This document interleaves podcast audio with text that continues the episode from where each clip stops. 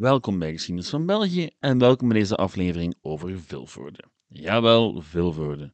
Een stad waar de meesten van ons enkel aan denken als we overheen rijden op weg naar Brussel. Maar jongens, wat een boeiend, vreemd stadje is dat toch.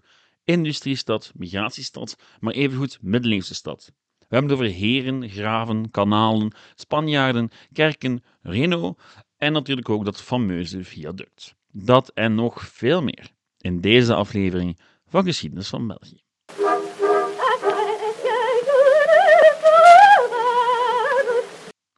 Laat me met de deur in huis vallen. Vilvoorde is absurd. Toegegeven, ik vind dat van een heleboel plekken en bij mij heeft dat vooral een positieve connotatie. Nu goed, Vilvoorde is absoluut absurd. Laat me dat illustreren met een tafereel van een mooie lentedag. Mijn vrouw en ik hadden net een mooie wandeling opzitten en waren in een gigantisch kasteelpark beland, waar we ons te goed deden aan een portie wafels.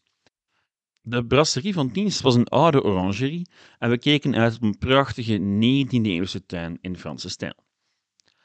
En het viaduct van Vilvoorde, waarop duizenden automobilisten zich een weg baanden van en naar Brussel. Dat monsterlijke gevaar zweefde boven het oude kasteeldomein en vormde zo een bijna tastbare metafoor voor de geschiedenis van Vilvoorde. Een geschiedenis die heel veel gemeen heeft met die van Mechelen, Leuven en een heleboel andere middelgrote Belgische steden, maar dan met een meer brutalistisch kantje. De contrasten zijn er groter dan elders, lijkt het wel. In Vilvoorde lijken schoonheid en lelijkheid onlosmakelijk met elkaar verbonden te zijn. Daarbovenop is het ook niet helemaal duidelijk waar Brussel eindigt en Vilvoorde begint. Er is een grens, dat natuurlijk wel, maar ja, dat is niet zo duidelijk voor iemand die met de auto of de fiets van de ene stad naar de andere rijdt. Het verschil zal niet onmiddellijk opvallen. Vilvoorde is met voorsprong de meest Brusselse stad van Vlaanderen, wat ook af en toe voor conflicten zorgt met de Vlaamse regering. Ze is ook anders. Zwat. Tot daar de inleiding. Laten we een blik werpen op waar die vreemde stad nu eigenlijk vandaan komt. Wie al eens naar een aflevering over een stad geluisterd heeft, weet dat in België een stad bijna altijd gelinkt kan worden aan een rivier. Zo ook Vilvoorde. De Zenne in dit geval. Inderdaad, dezelfde rivier die mee aan de oorsprong ligt van Brussel. En Brussel zal altijd ja, op de achtergrond zijn tijdens deze aflevering. Het zal altijd een rol spelen. Nu goed, buiten de Zenne was er ook de kruising tussen de Zenne enerzijds en de Romeinse herbaan anderzijds. Daar komt trouwens ook de naam vandaan. Villa aan een voorde, oftewel een oversteekplaats.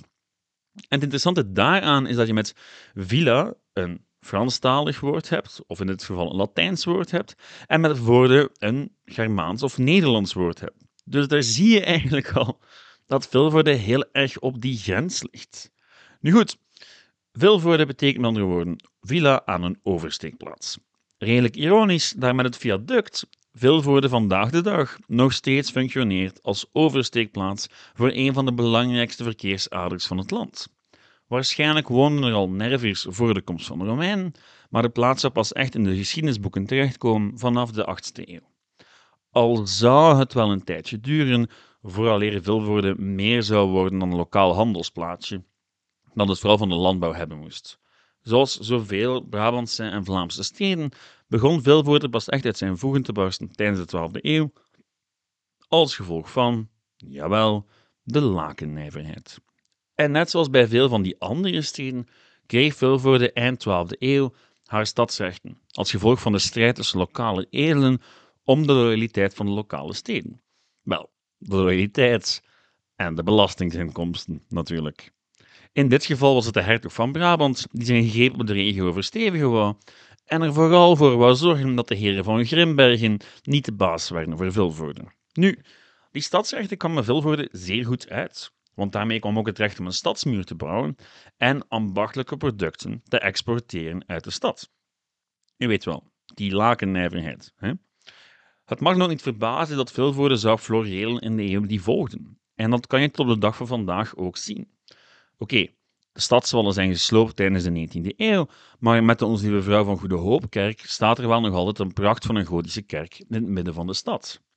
En bovenop de eigen productie profiteerde Vilvoorde natuurlijk ook van de handel op de Zenne. En waren een heleboel zandsteengroeven in de buurt, waarvan de opbrengsten opnieuw via de Zenne vervoerd moesten worden. Dus Tilvoorde was een welvarend middelgroot stadje, zoals pakweg Dendermonde of Aalst. Al bleef het feestje natuurlijk niet duren.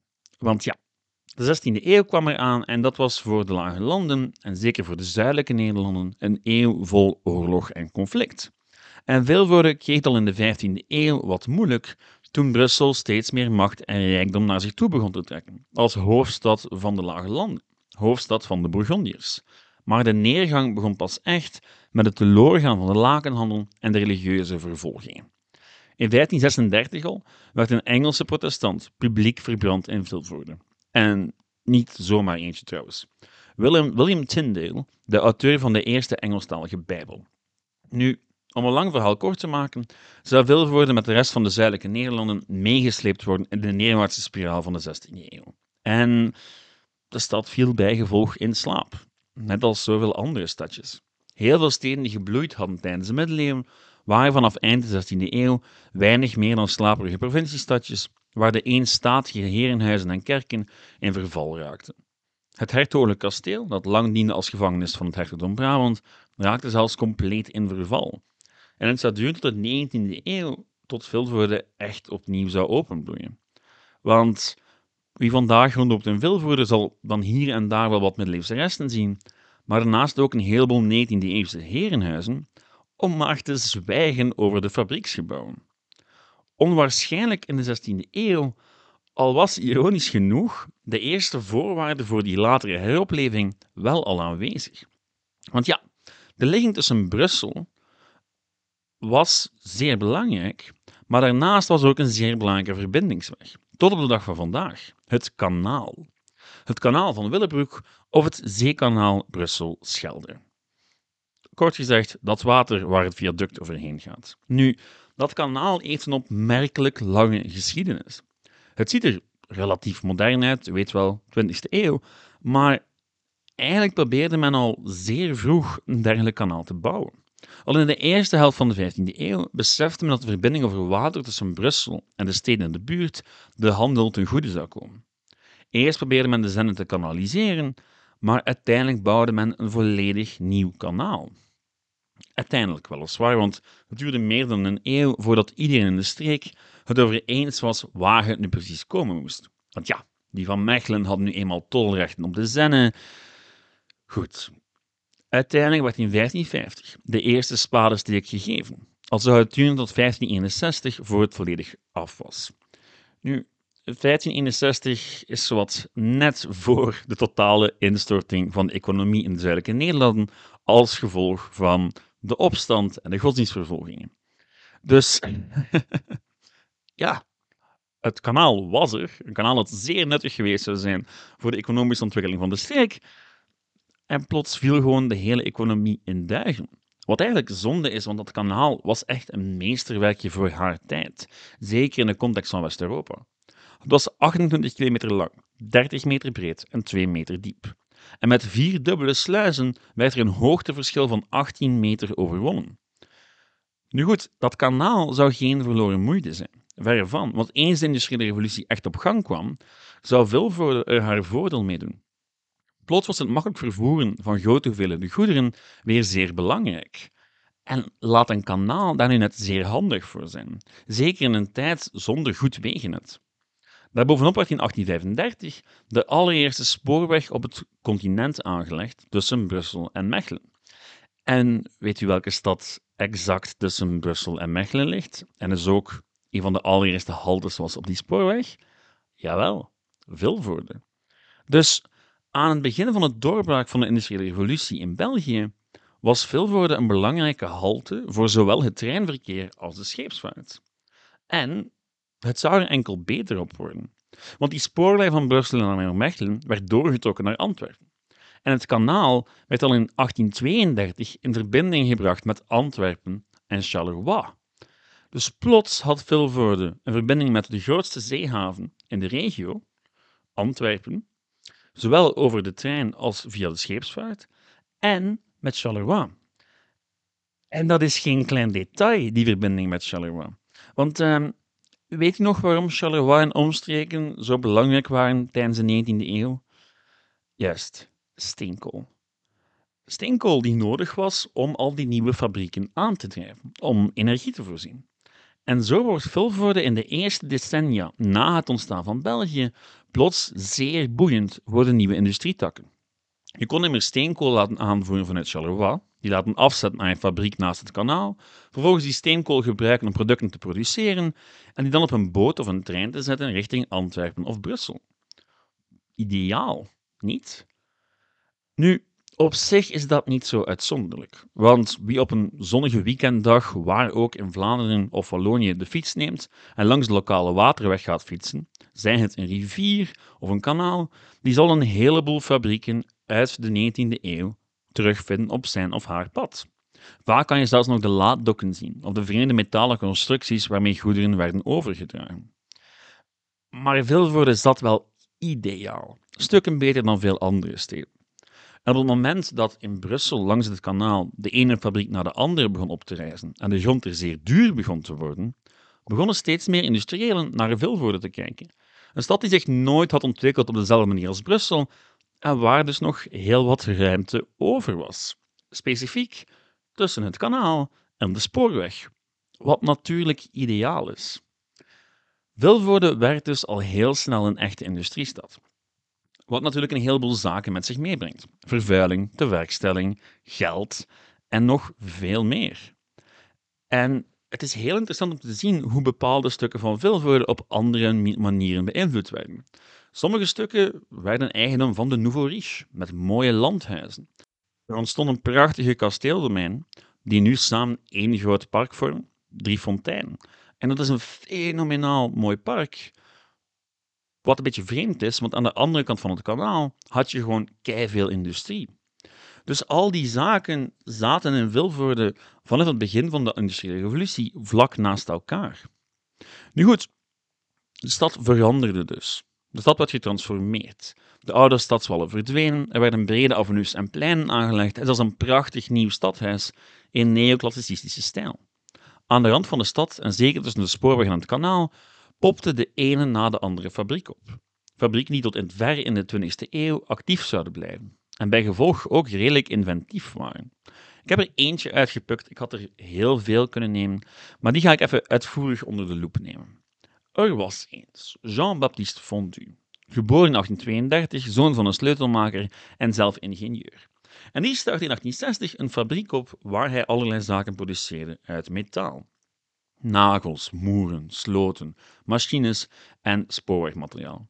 Hij deed dat in Vilvoorde en begon in een oud Dominicanenklooster aan de Zenne. Klinkt vreemd vandaag de dag, maar zeker geen uitzondering in die periode. Toen de industrie begon, had men infrastructuur nodig, had men grote gebouwen nodig. En dat was vaak moeilijk te vinden op een goede locatie. En dan is het logisch dat men eerst eens in de buurt kijkt wat voor grote oude gebouwen er nog leeg staan in de buurt. Denk maar aan het Gravesteen te Gent, dat nog gefunctioneerd heeft als katoenspinnerij. Maar goed, om te groeien op lange termijn heeft zo'n bedrijf natuurlijk grotere en ja, meer specifieke gebouwen nodig. Gebouwen speciaal daarvoor gebouwd. Bij gevolg verhuisde het bedrijf, onder de zoon van Jean-Baptiste, naar een nieuw terrein. Een nieuw terrein naast de spoorweg. Dat was in 1894. En met die nieuwe fabriek kwamen ook nieuwe producten. Want Vilvoorde was ideaal gelegen voor een heel specifiek soort industrie die eind 19e eeuw en begin 20e eeuw volledig doorbrak: de auto-industrie. Want ja, je had heel veel steenkool nodig voor de staalproductie en er was echt wel ervaring met de staalproductie in Vilvoorde. En bij gevolg schakelde de familie Fondu opmerkelijk snel en rolde al in 1906 de eerste wagen van de band. De wagen zou meedoen aan wedstrijden en de fabriek zou zich later toeleggen op de bouw van motoren. Al zou heel die periode al redelijk snel ten einde komen. Want de inheemse Belgische auto-industrie kon namelijk niet op tegen de buitenlandse concurrentie. Al werd er bij Fondu gewoon overgeschakeld naar motorfietsen.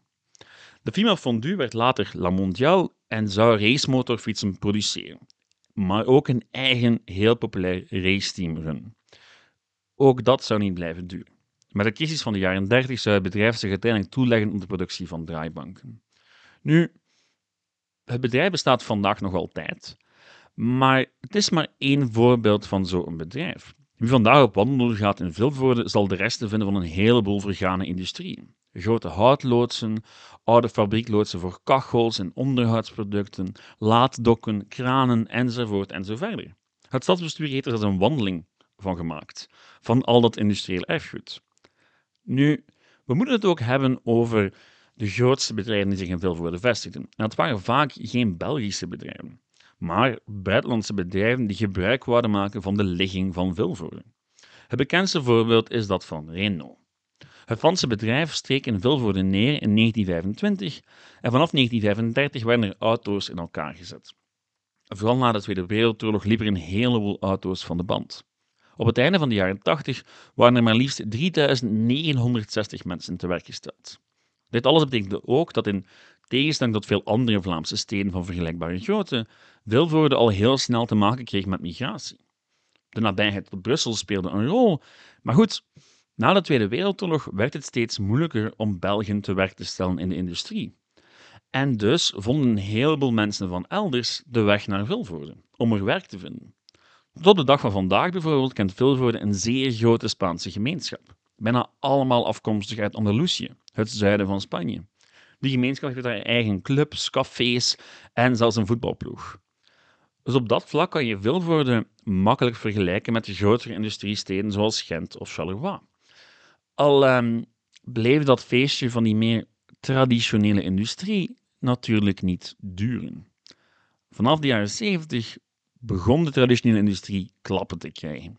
Het was simpelweg te duur om nog te produceren in België en steeds meer bedrijven gingen ofwel failliet of zochten hun heil in lage loonlanden. Dus ja, voor Vilvoorde was dat een groot probleem. België kreeg steeds meer een diensteneconomie en traditionele fabrieken die sloten. En bij gevolg begon de ster van Vilvoorde dus te tanen. Het ene na het andere grote bedrijf sloot de deuren en Vilvoorde bleef zitten met industriële ruïnes en vervuilde gronden. En werkeloosheid. Want de arbeidersbevolking, die decennia lang makkelijk werk had gevonden, kwam plots op straat te staan. En daarbovenop leek de stad ook letterlijk weg te kwijnen. De stadstram die Brussel verbond met het centrum van Vilvoorde werd zelfs verbannen, omdat de trillingen instortingsgevaar veroorzaakten bij oude gebouwen zoals kerken. En ja, dan weet je al hoe laat het is. Als er geen geld meer is om onderhoudswerk te doen bij het erfgoed van een stad, ja, dan is het al redelijk laat. En de sluiting van Renault Vilvoorde, de grootste werkgever in de stad, leek de doodsteek te zijn. Vilvoorde leek op het einde van de 20e eeuw een perfect voorbeeld te zijn van de vergane glorie van de Belgische industrie. Te vergelijken met Charleroi misschien wel. En toch is dat niet de indruk die je vandaag de dag krijgt als je Vilvoorde bezoekt. Vandaag is Vilvoorde een relatief bruisende voorstad van Brussel, zonder grote eigen industrie, maar met enkele grote mediabedrijven die zich gevestigd hebben en een heleboel mensen die in Vilvoorde wonen, maar in Brussel werken. Want Brussel blijft vlakbij. Heel wat oude industriële zones aan het kanaal zijn ondertussen omgevormd tot woonzones. En de stad lijkt ook op te leven, al heeft ze nog steeds haar eigen littekens. Wat me tot dat viaduct brengt. De opmars van de automobielen in de jaren 60 en 70 was niet te stoppen.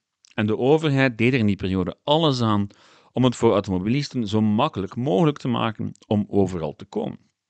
Een van de grootste problemen was om Brussel zo makkelijk bereikbaar mogelijk te houden. Ja, toen al. Daarvoor werd uiteindelijk de ring rond Brussel aangelegd met het viaduct van Vilvoorde als het laatste sluitstuk van de noordelijke helft.